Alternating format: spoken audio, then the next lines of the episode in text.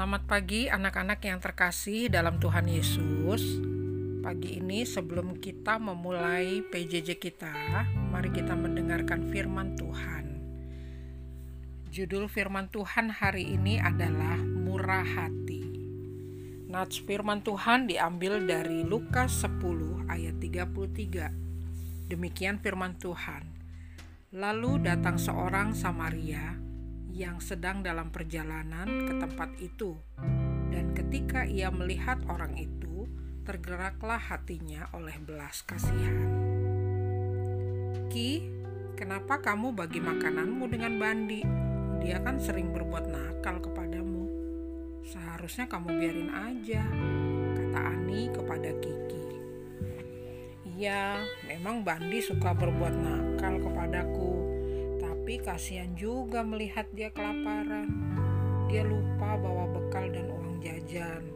Makanya aku tetap menolongnya, jawab Kiki kepada Ani. Anak-anak, baik sekali ya sikapnya Kiki. Dia mau berbagi dengan Bandi yang sering mengganggunya. Yuk kita lihat dalam Lukas 10 ayat 30 sampai 35. Di situ diceritakan seorang laki-laki Yahudi dirampok dalam perjalanan dari Yerusalem ke Yeriko. Ia dipukuli sampai pingsan di pinggir jalan. Seorang imam dan dari Le, seorang imam dan dan Lewi sempat melihatnya tetapi mereka tidak menolongnya. Untung saja ada seorang Samaria yang tergerak hatinya oleh belas kasihan.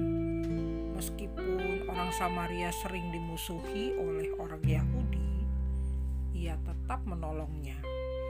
Ia membalut lukanya, membawanya ke penginapan, dan merawatnya.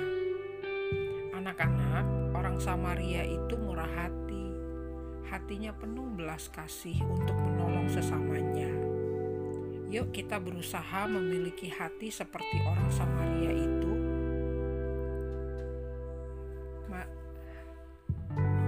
Kata-kata bijaknya hari ini, nyatakanlah kemurahan hati kepada sesama. Mari kita berdoa. Bapa di surga, mampukanlah aku untuk memiliki kemurahan hati terhadap sesamaku. Dalam nama Tuhan Yesus, aku